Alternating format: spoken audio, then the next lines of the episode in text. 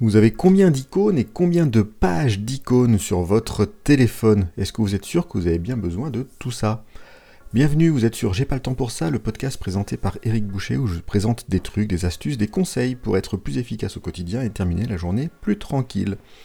Notre téléphone, c'est une bénédiction pour être plus efficace, avoir accès à plein d'informations.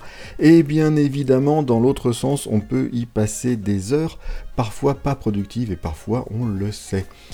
Jason Hayton nous propose dans ce contexte-là de simplifier, ou en tout cas de mieux euh, contrôler en conscience ce qu'on va en faire.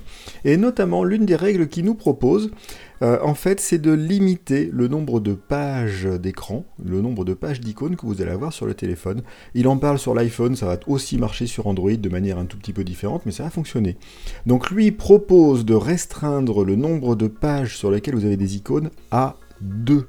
Deux seulement on va dire la page principale sur laquelle vous allez mettre les applications auxquelles vous accédez tout le temps, et une deuxième page avec quelques applications en moins. Sa logique, elle est très simple, ça marche, c'est pour ça que je le dis à la fois sur iPhone et sur Android, c'est que les autres applications, vous n'allez pas les effacer du téléphone, vous allez juste les mettre dans le tiroir d'applications dans le cas d'Android, et dans euh, la dernière partie euh, qui s'appelle la bibliothèque d'applications euh, côté Apple. Et dans les deux cas, que ce soit Android ou iOS, vous pouvez toujours chercher une application par son nom. Son postulat, il est très simple, c'est qu'en règle générale, dans la journée, euh, vous allez utiliser peut-être 5, 10, 15 applications, pas plus, ça tient largement sur les deux écrans. C'est pas un exercice facile évidemment, puisque ça veut dire que vous allez revisiter votre écran de téléphone et décider en conscience que cette icône, cette application que vous aimez bien, vous allez juste la mettre de côté euh, pour éviter les distractions. Euh, donc c'est pas innocent du tout, c'est pas forcément si simple. Si on prend le cas de monsieur Jason Hayton, qu'est-ce qu'il a proposé Et donc je vous mets pour ceux qui lisent le podcast le lien vers son article où vous retrouverez les copies d'écran justement de son installation à lui. Sur le premier écran, on va retrouver des icônes et quelques widgets, par exemple le calendrier euh, et par exemple des informations dont il peut avoir besoin.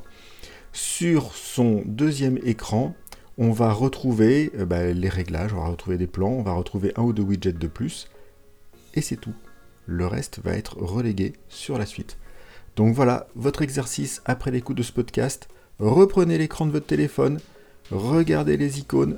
Est-ce que vous avez besoin de tout? Est-ce que celles dont vous avez le plus besoin sont facilement accessibles? Et qu'est-ce que vous pouvez faire pour simplifier votre usage du téléphone au minimum? On va commencer par là, au niveau des écrans et des icônes.